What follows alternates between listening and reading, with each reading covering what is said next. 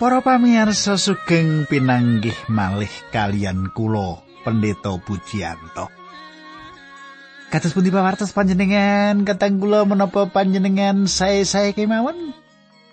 Nembe kemawon kula pikanto SMS nggih. SMS saking wah Pak Taswi. Pak Taswi menika satunggalipun priyantun ingkang tebih sanget nggih saking batu. Nek tindak menika panjenengan menika tentunipun betahaken arta meh PP nu sak juta. Inggih. Lah kok tepi mento, Pak inggih seduluran saka gegono niku rakete ora karu-karuan. Awit saking menika menawi panjenengan badhe sesambetan kalian kula ora sah isan isin nggih. Kula pingah ndi sedulur akeh luwih becik ndi sedulur akeh tinimbangane ndi bondo akeh. bondo ki gampang enteke nek sedulur angel ilangi mayat nggih. Nah para pamirsa kula badhe sesarengan kalian panjenengan wonten ing salebetipun adicara margi utami. Adicara ingkang sampun dados kelangenan panjenengan ing adicara menika panjenengan kula dherekaken nyemak kayektosan kayektosan saking pangandikanipun Gusti. Sugeng midhangetaken adicara menika.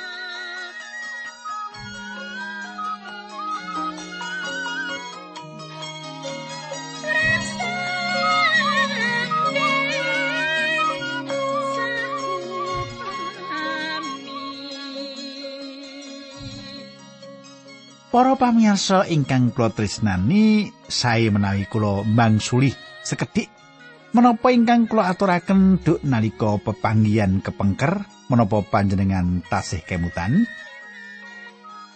Ing pepanggihan kepengker kita sampun nyemak kados pundi Ayub tetep manembah Gusti Allah. Sinaosa ing sakedheping netra bondo dunyanipun telas. Lari-larinipun dipun pejahi. Lajeng menapa malih kang badhe dipun pratelakaken ing kitab Ayub menika kita badhe nyemak sekedap malih nanging saderengipun menika sae menawi kita ndedonga Kanjeng Rama ingkang adhedhampar wonten kraton ing kasuwargan kawula ngaturaken gunging panuwun menawi wanci menika kawula saged tetunggilan kalian sederek-sederek kawula ingkang tansah midhangetaken ati cara menika. Kawula nyuwun supados adicara menika saestu saged dados berkah. Kegiatan kangginipun sederek-sederek kawula menika dinambaran asmanipun Gusti kawula Yesus Kristus kawula netunggal haleluya. Amin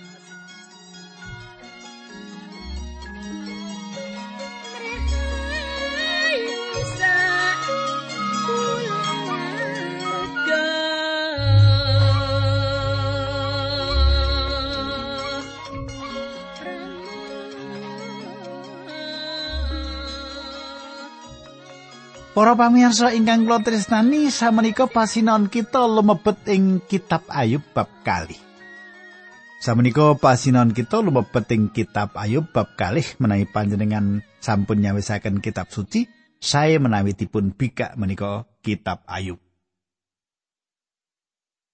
Kulo badhe maosaken ayat setunggal. Ing sawijining dina para putrane Allah padha suwan meneh marang panjenengani iblis uga teka. Katang kula.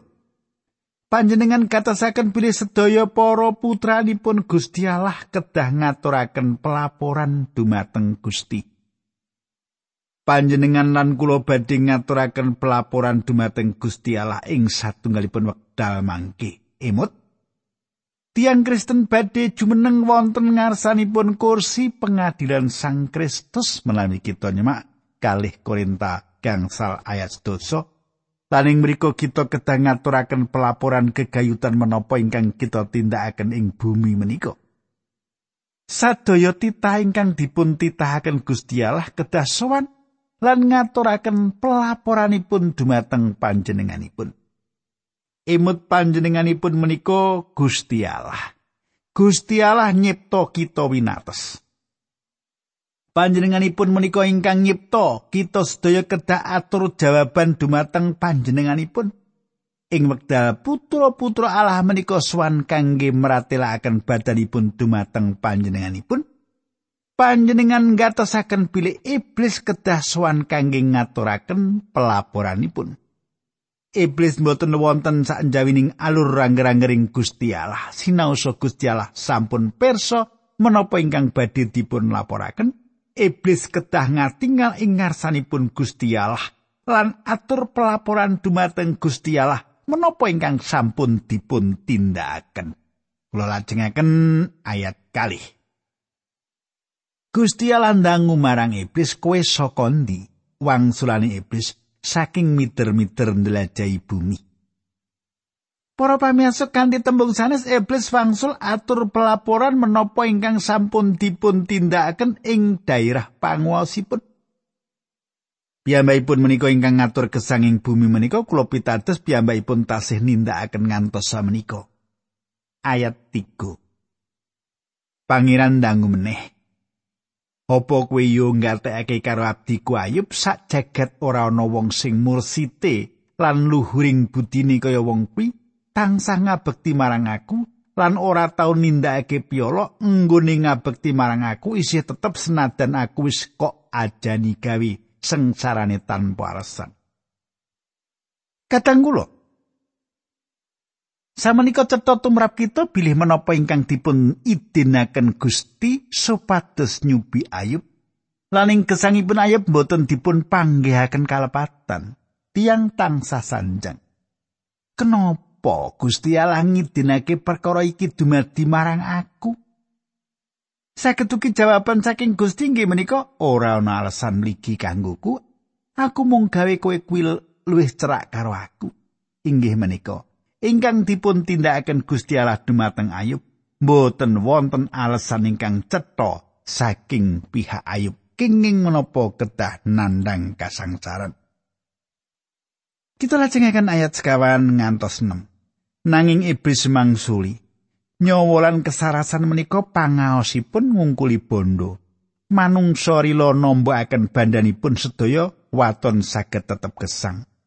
cubi menawi badanipun paduka damel sakit piyambakipun mesti badhe ngipati-pati paduka wonten ing ngarsa paduka pangeran nuli ngendika marang iblis ya wis ayub arep kok kapake wae kena angger aja kok pateni para pamirsa panjenengan mangertos pilih iblis mangertos saestu gegayutan saperangan ageng saking kita wonten satunggalipun titik saking tameng kita. Kita gadah otot Achilles. Otot ingkang gadah karingkian tertamtu. Nanging Gusti sampun maringi satunggalipun janji dumateng kita. Setunggal Korintus dosa ayat 13 meratelaken kados makaten. Gudo sing kok alami kuwi gudo sing lumrah. dialami dening saben wong. Nanging Gusti Allah setya marang janjine panjenengane ora bakal nekake kowe digodho nganti ngungkuli kekuatanmu. Yen kowe digodho panjenengane bakal maringi kekuatan marang kowe supaya kowe tetep panggah sarta panjenengane bakal maringi dalan supaya kowe bisa uncat saka panggodamu mau. Kadang kula Gusti Allah mboten badhe nate ngidinaken kita dipun coba langkung saking menapa ingkang saged kita tangga. Ing pundi kemawon panjenengan lan menapa kemawon ingkang panjenengan lampahi. Gusti Allah kuwowo jangkung panjenengan.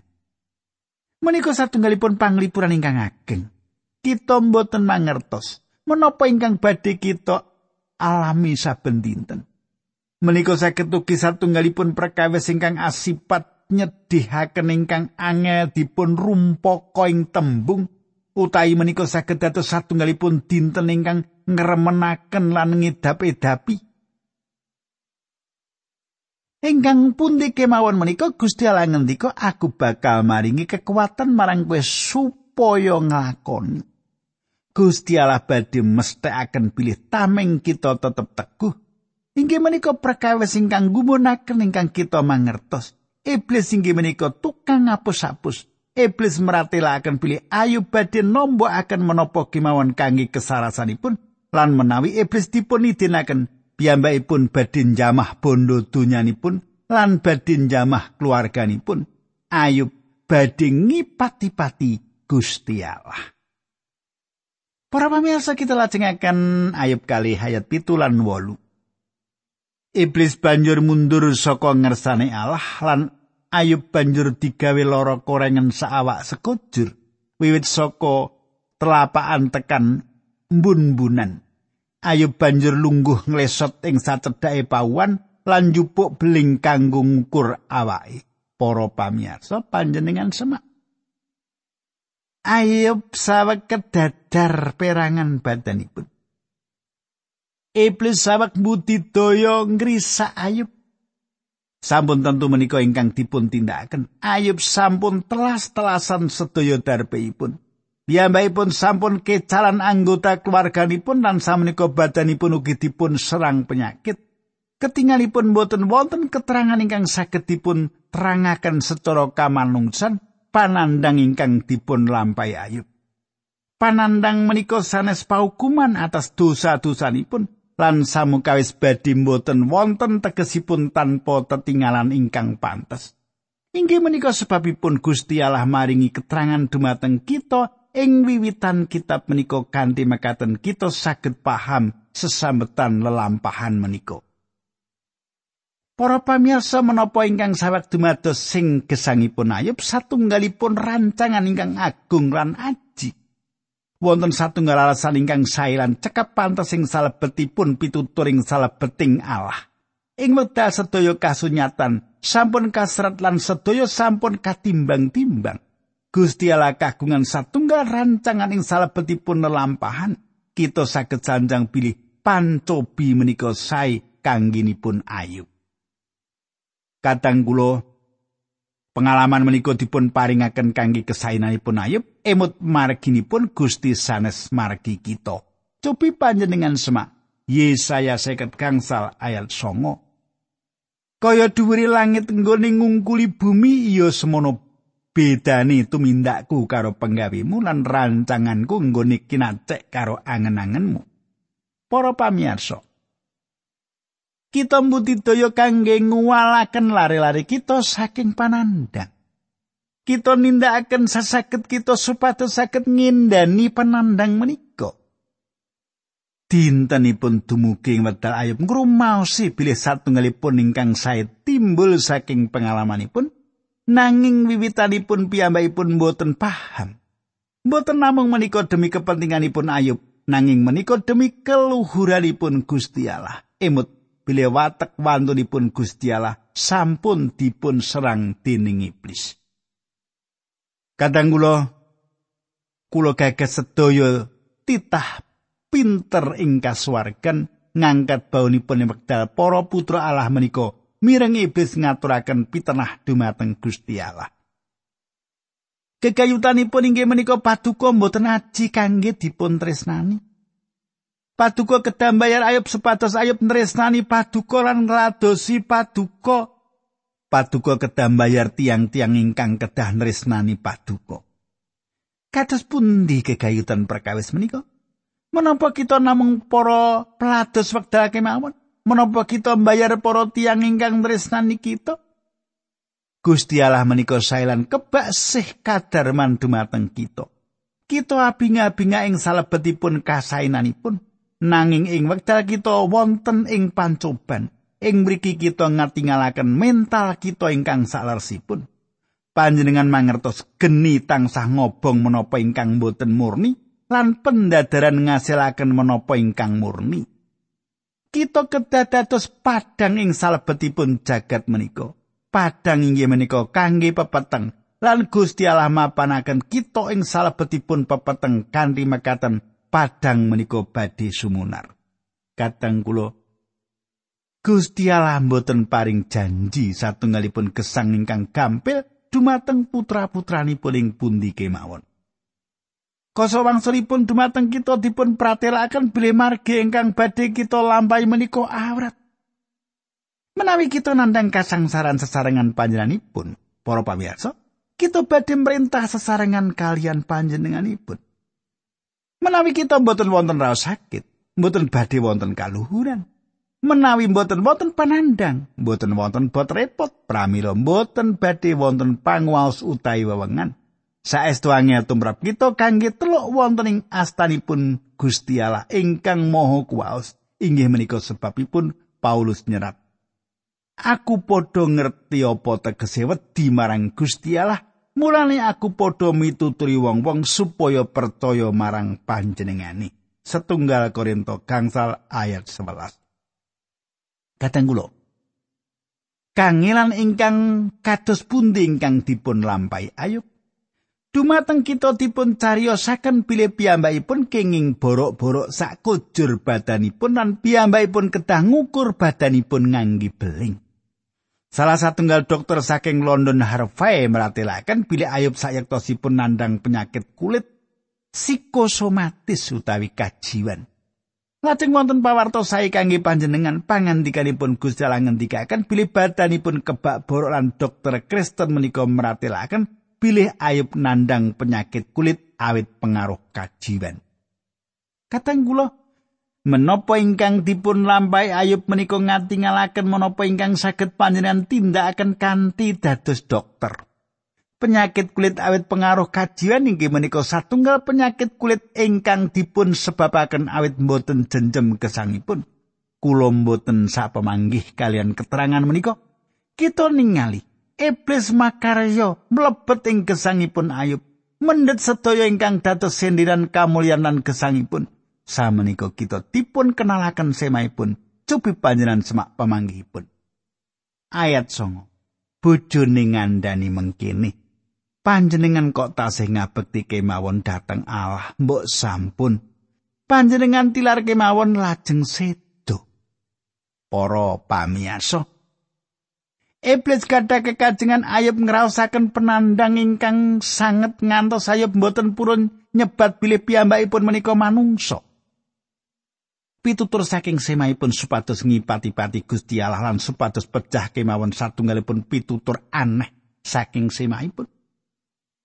Cetha menawi semaipun gadah kekajengan dados rondo. Nanging saged ugi pitutur menika satunggalipun pitutur ingkang alus awit piyambakipun ningali panandang ingkang dipun lampahi Ayub. Iblis mbucal sedaya ingkang dados darbeipun Ayub. Kenging menapa iblis mboten nyingkiraken istrinipun pindah? Kula pikir jalaranipun inggih menika istrinipun mboten wonten ginanipun kanggenipun Ayub. Ketingalipun semaipun menika badhe nindakaken menapa ingkang dados panyuwunipun iblis gitu. Kena kudu dadi balani gitu. Ayat sedoso. Wangsulane Ayub caturanmu kuwi kaya kandhane wong gemblung. Apa kita mau ngarep nampani peparinge pangeran sing becik wae lan nampik peparinge sing? Dadine senadan ngalami kasangsaran semono gedhe Ayub ora ngremehake marang Allah. Kadang kula Ayub tetep teguh ing kajujuran lan kamurnianipun. Menika samenika dados wiwitan saking kitab menika ingkang sayektosipun kita sampun nyemak kados pundi Ayub sampun dipun serang lan kados pundi piyambakipun teguh wonten ing kejujuran lan kemurnianipun. Wekdal menika para mitranipun Ayub dateng nuweni Ayub lan nyukani panglipuran. Samenika kejujuran lan kemurnianipun badhe saestu-estu siap dipun serang. Inggih wiwit menika pirembagan menika dipun wiwiti. Kulo lajengaken ayat ingkang kaping 11. Kecerita kasangsaran sing dialami dening Ayub keprungu dening mitrane telu ya kuwi Elifas wong saka Teman, Bildad wong Suah lan Sopar wong Naamah, telu-telune padha sarujuk arep niliki Ayub. Kadang kula Samenika kita dipun tepangaken tiga mitranipun Ayub lan kita perlu tepang kalian para mitranipun Ayub menika Elifas inggih menika tiang Teman. Teman menika wayahipun jaler Esau manut purwaning dumadi 3.6 ayat 2 ngantos 11. Bildad menika tiang Suah. Suah inggih menika lari Abraham manut purwaning dumadi selangkung ayat kalih. Sofar inggih menika tiang Naamah. Naama mapanipun ing Arabia sisi ler, kasunyatan kasunyatan menika nuntun kita mapanaken wekdal Ayub ing jaman bapa leluhur tiang Yahudi tasih gesang lan menika ugi nyukani kegambaran laladan umum papan Ayub gesang sinaosa kita mboten mangertos pasipun wonten ing pundi. Tiang-tiang menika sak perlu nuweni Ayub. Awit kula badhe meratelaken perkawis-perkawis ingkang sanget awon. Kegayutan para mitranipun ayub menika kula pikir kula kedah ngaturaken menapa ingkang sae kegayutan para mitranipun menika. Katang kula para mitranipun menika mitra sejatos kanggenipun ayub ngantos kahanan awon nempuh ayub. Pengalaman menika nebiaken para mitra menika saking ayub. Lan jalaran menapa perkawis menika dumados inggih menika para mitranipun menika. Mboten tepang Gusti Allah utawi para mitranipun menika mboten mangertos kenging menapa Gusti Allah nindakaken perkawis-perkawis ingkang kados makaten. Kadang kula menapa ingkang kula aturaken menika dados landesan ingkang sae. Kenging menapa kathah antawisipun kita kedah ngatos-atos sanget ing wedal nyetakaken kenging menapa wonten perkawis-perkawis ingkang dumados ing gesangipun tiang sanes. Kita mboten gadah hak kangge ngaturaken bilih Gusti Allah sampun ngejaraken satunggalipun kahanan dumados dateng sinten kemawon awit jalaran-jalaran ingkang tartamtu.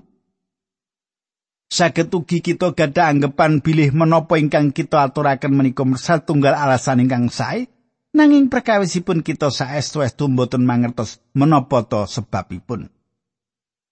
Para mitra ayub menika rumaos saestu yakin gegayutan alasanipun sami kalian menungso jaman-jaman iku.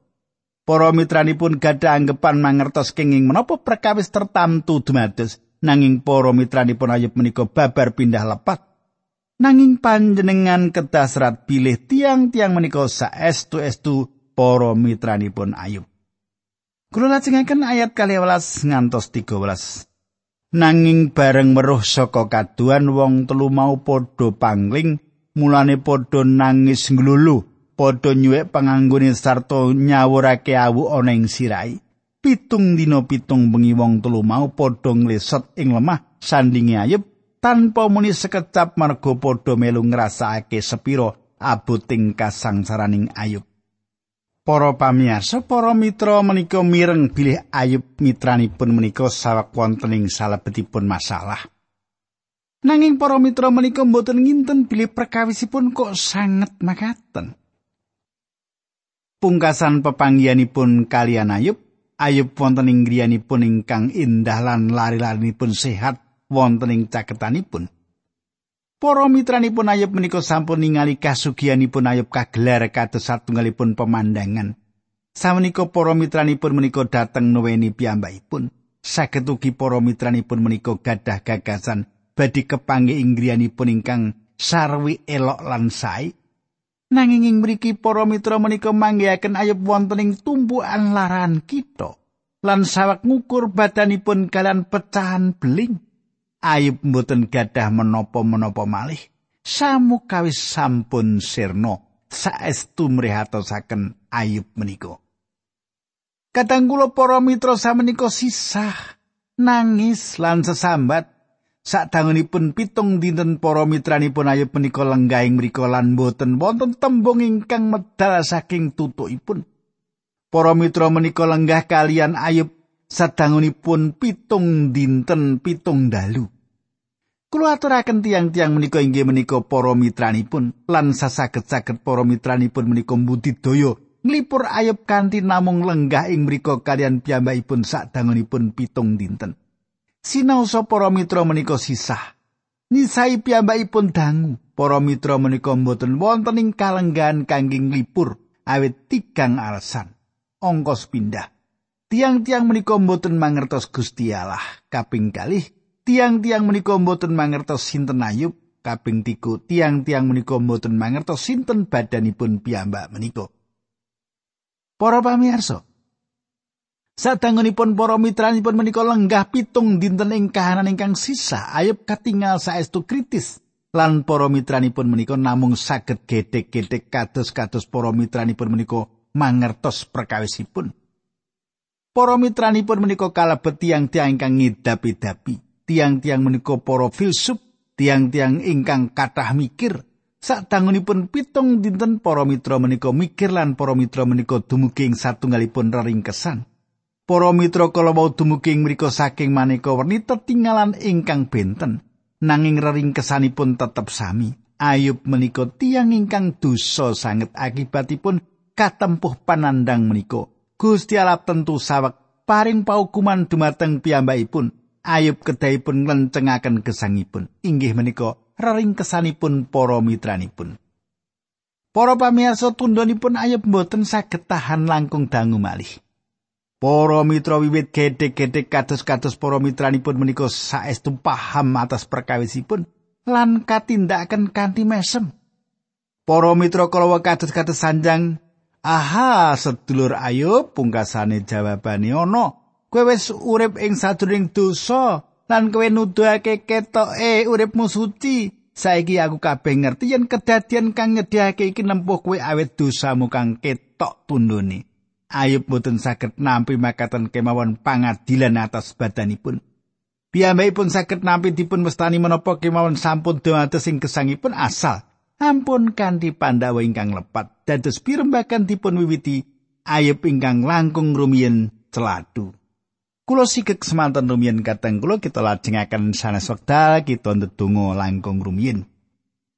Duh Kanjeng Rama ing swarga kawula ngaturaken gunging panuwun menawi wekdal menika kawula saged midhangetaken lelampahanipun abdi paduka ingkang kasrating kitab suci inggih menika Ayub.